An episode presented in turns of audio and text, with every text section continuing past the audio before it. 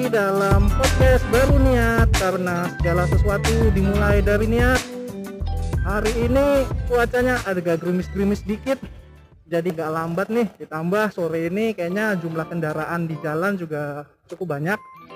Jadi ya perjalanan ini kita nikmati sembari ngerekam podcast. Ini adalah episode ke-30 dari eh 30 31 dari motor. Eh, kita memulai kembali eh, laju per 10 podcast ini ya. Jadi kemarin episode 1 sampai 10 sudah, 2 sampai 20 udah, 3 sampai 21 sampai 30 juga udah.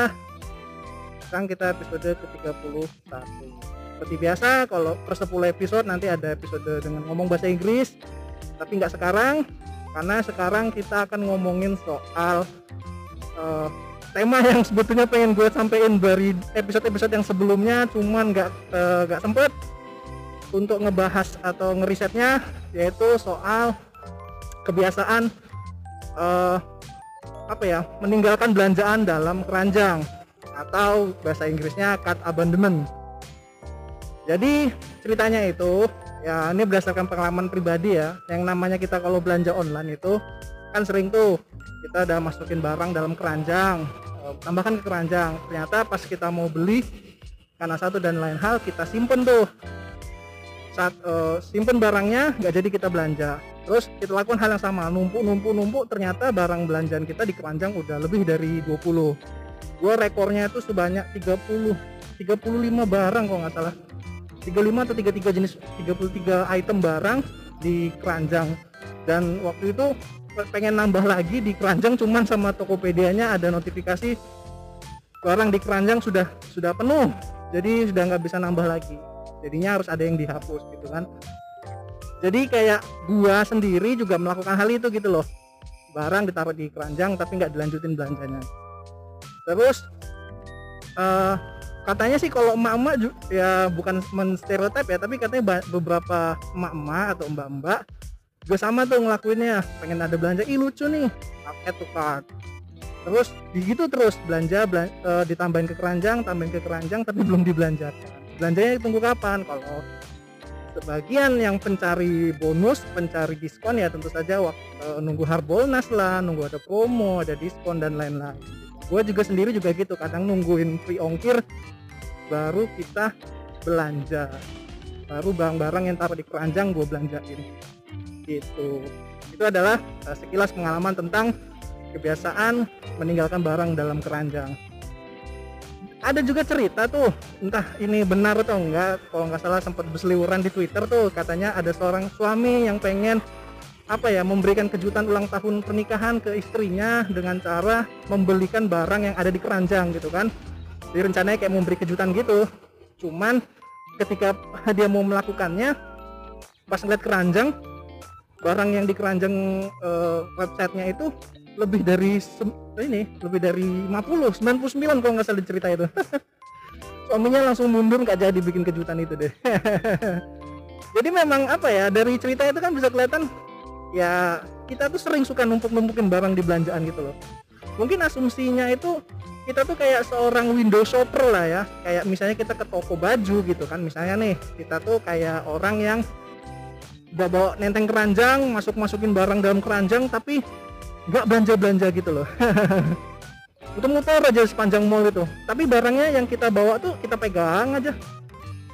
Bayangin uh, si pemilik toko tuh ngeliat ngeliat kelakuan kita tuh pasti agak kesel juga ya. Ini orang nih kapan belanja nih? Kapan dia bayar nih? Pegang-pegang doang. Nah gitu. Dan juga perilaku yang sama di ketika kita belanja online ini juga sama ya istilahnya tuh. Bahkan di untuk website retail eh, market online itu yang namanya rasio barang yang ditinggalkan dalam keranjang atau seperti yang gue bilang tadi cut abandonment rasionya itu itu adalah salah satu key performance yang dianalisa oleh perusahaan gitu perusahaan atau website gitu. Karena apa ya? Secara sederhana kan ketika kita meninggalkan barang dalam belanja itu kan sama aja seperti uh, potensi pembela potensi barang belanja yang hilang gitu loh. Jadi barang barang-barang yang kita simpen di keranjang itu sebetulnya berpotensi untuk dibeli cuma nggak kita lakuin kan gitu kan. Kembali ke kasus tadi misalnya kayak lu pem, pem, pem, apa sih konsumen udah nenteng 10 tas gitu loh 10 celat 10 sepatu gitu di toko sport station contohnya tapi lu nggak belanja belanja gitu. Pasti kan kasir juga nungguin ini, ini orang ngapain sih nih ya, uh, udah tinggal bayar aja gitu loh. Ya itu perusahaan atau website menganggap uh, abando, uh, card abandonment itu adalah sebuah potensi loss sebuah loss. Karena itu harusnya bisa jadi pendapatan kita nggak jadi gitu loh baik satu dan lain hal. Nah karena kemarin sudah berhasil ngeriset uh, beberapa saat beberapa waktu sudah mencoba membaca. Ada nih kayak semacam survei-survei atau dari lembaga analisa yang mau ngebahas soal uh, uh, card abandonment ini. Beberapa website sih lebih tepatnya yang ngebahas soal ini.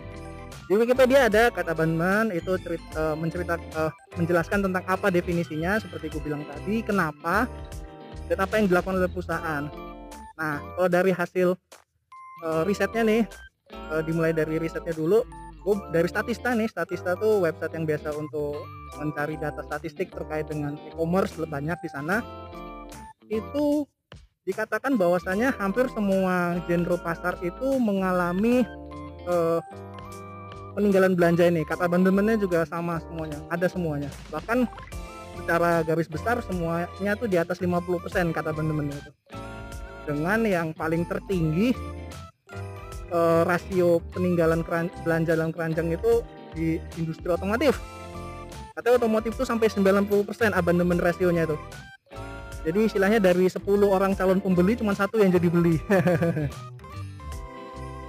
Nah lalu yang paling terakhir itu yang paling rendah ini datanya by the way Maret, Maret 2020 ya belum dapat lagi nih data yang per akhir Desember 2020 belum mengeluarkan kembali statista per Maret 2020 industri yang paling rendah abandonment rasionya adalah obat.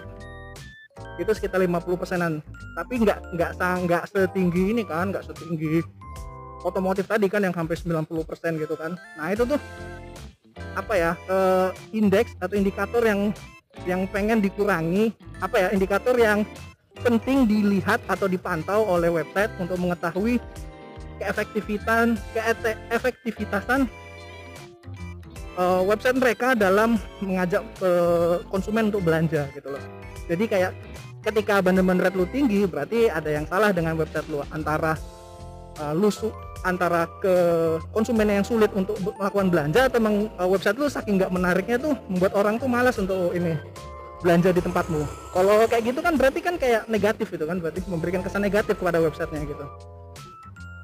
Nah, dari website juga beberapa website juga mengatakan nih sebetulnya apa sih yang menyebabkan hmm, konsumen melakukan hal itu gitu konsumen atau calon konsumen melakukan itu meninggalkan barang dalam belanjaan ternyata yang nomor satu adalah adanya hidden price yang tidak dimunculkan di awal hidden price ini contohnya adalah shipping ongkir ongkir.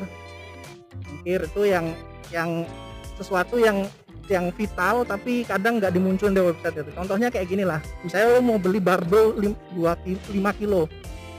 Barbel 5 kilo harganya cuman eh, empat puluh ribu. Tapi sekilonya ongkir itu adalah 30 ribu. Kalau barbel 5 kilo berarti eh, 150 ribu. Ongkir 150 barangnya 40 nah itu kan total belanja 190 kan. Nah itu tuh. Ini contoh yang ekstrimnya aja sih.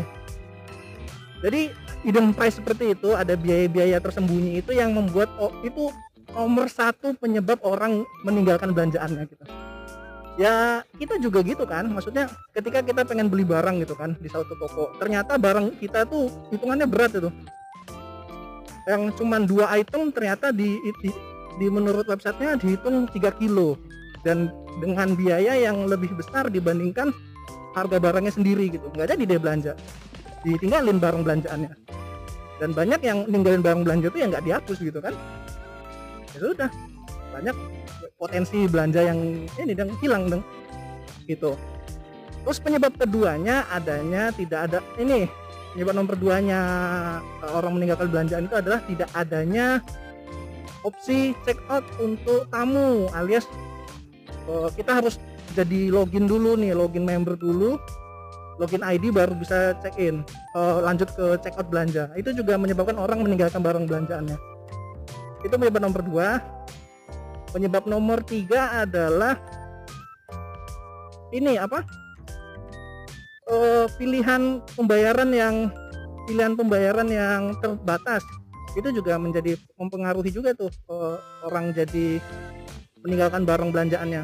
Misalnya gini nih kamu cuma punya uh, rekening bank BRI misalnya. Ternyata websitenya hanya bisa melayani pelayanan dengan bank BCA dan Mandiri misalnya seperti itu. Nggak ada untuk BRI ya sudahlah. Kita nggak jadi deh belanja gitu kan. Atau mungkin websitenya cuma hanya bisa melayani uh, credit card. Transfer nggak bisa malah tuh nggak jadi lagi tuh. Padahal sudah niat belanja cuman nggak bisa bayar gitu kan. Akhirnya ditinggalin barang belanjaannya. Kondisi contoh kondisi ekstrim malah orang pindah ke toko lain gitu kan. Terus ada lagi yang memang kenapa ini uh, proses pembayarannya ribet.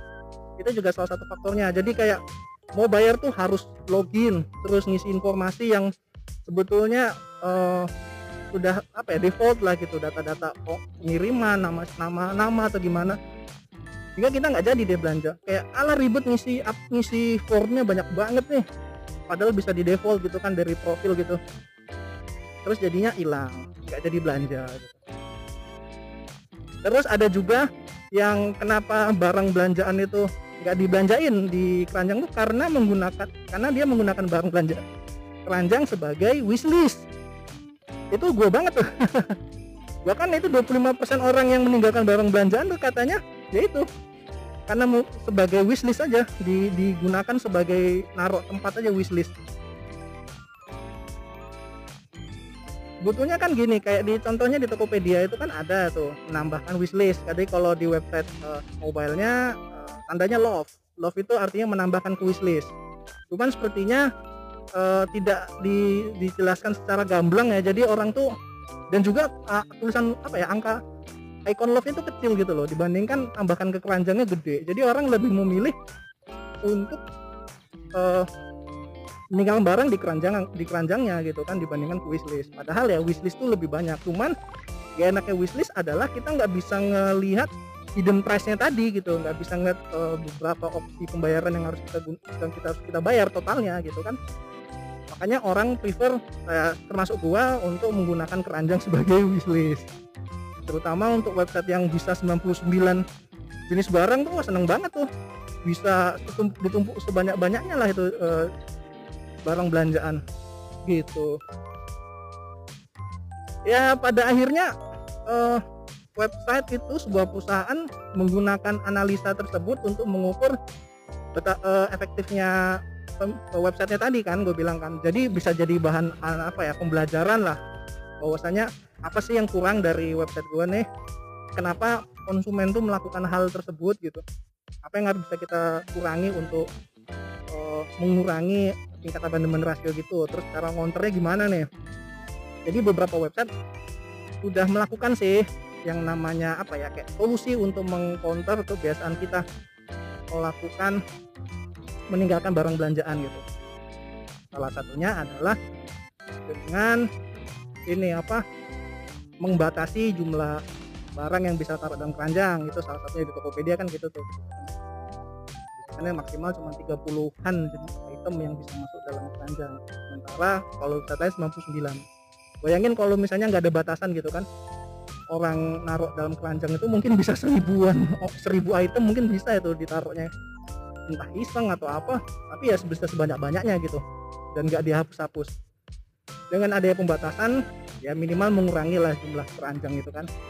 Cuman ini bias juga sih nggak membuat nggak menunjukkan analisa betapa berapa engagement website kita itu. Karena emang dari awal sudah dibatasi jumlah barang yang dalam keranjang ada juga nih langkah keduanya adalah dengan melakukan email. Melakukan email ke user melalui email notifikasi bahwasanya barang dalam keranjang tuh lagi ada promo gitu itu contohnya itu salah satunya di Steam sih. Steam juga melakukan hal yang sama tuh. Cuman kalau Steam itu dia bahkan barang di wishlist pun dia nge ini email kita gitu kan. Notifikasi bahwasanya barang yang ada di wishlist atau di keranjang sedang lagi promo nih lagi diskon. Nah itu kan bisa untuk menarik kembali belanja minat belanja ini minat belanja si calon konsumen tadi kan supaya dia kembali belanja atau dia ada ada uh, notifikasi gitu ditambahkan notifikasi eh, barang-barang apa yang uh, masih ada di keranjang dia gitu diingetin gitu kan barangnya apa gitu.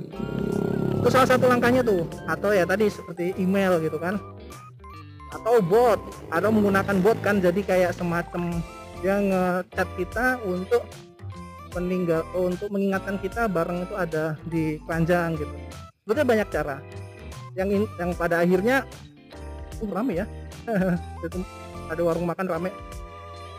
Yang pada akhirnya yang namanya kebiasaan meninggalkan barang belanjaan itu adalah concern utamanya si website terutama website yang lagi berkembang kan jadi untuk menunjukkan efektivitas tadi udahlah. Mau nggak mau gimana caranya perusahaan atau website untuk mengurangi tersebut mengurangi kebiasaan kita tersebut? Ya ternyata apa ya kebiasaan yang sederhana itu ternyata sangat vital bagi perusahaan terutama e-commerce gitu kan.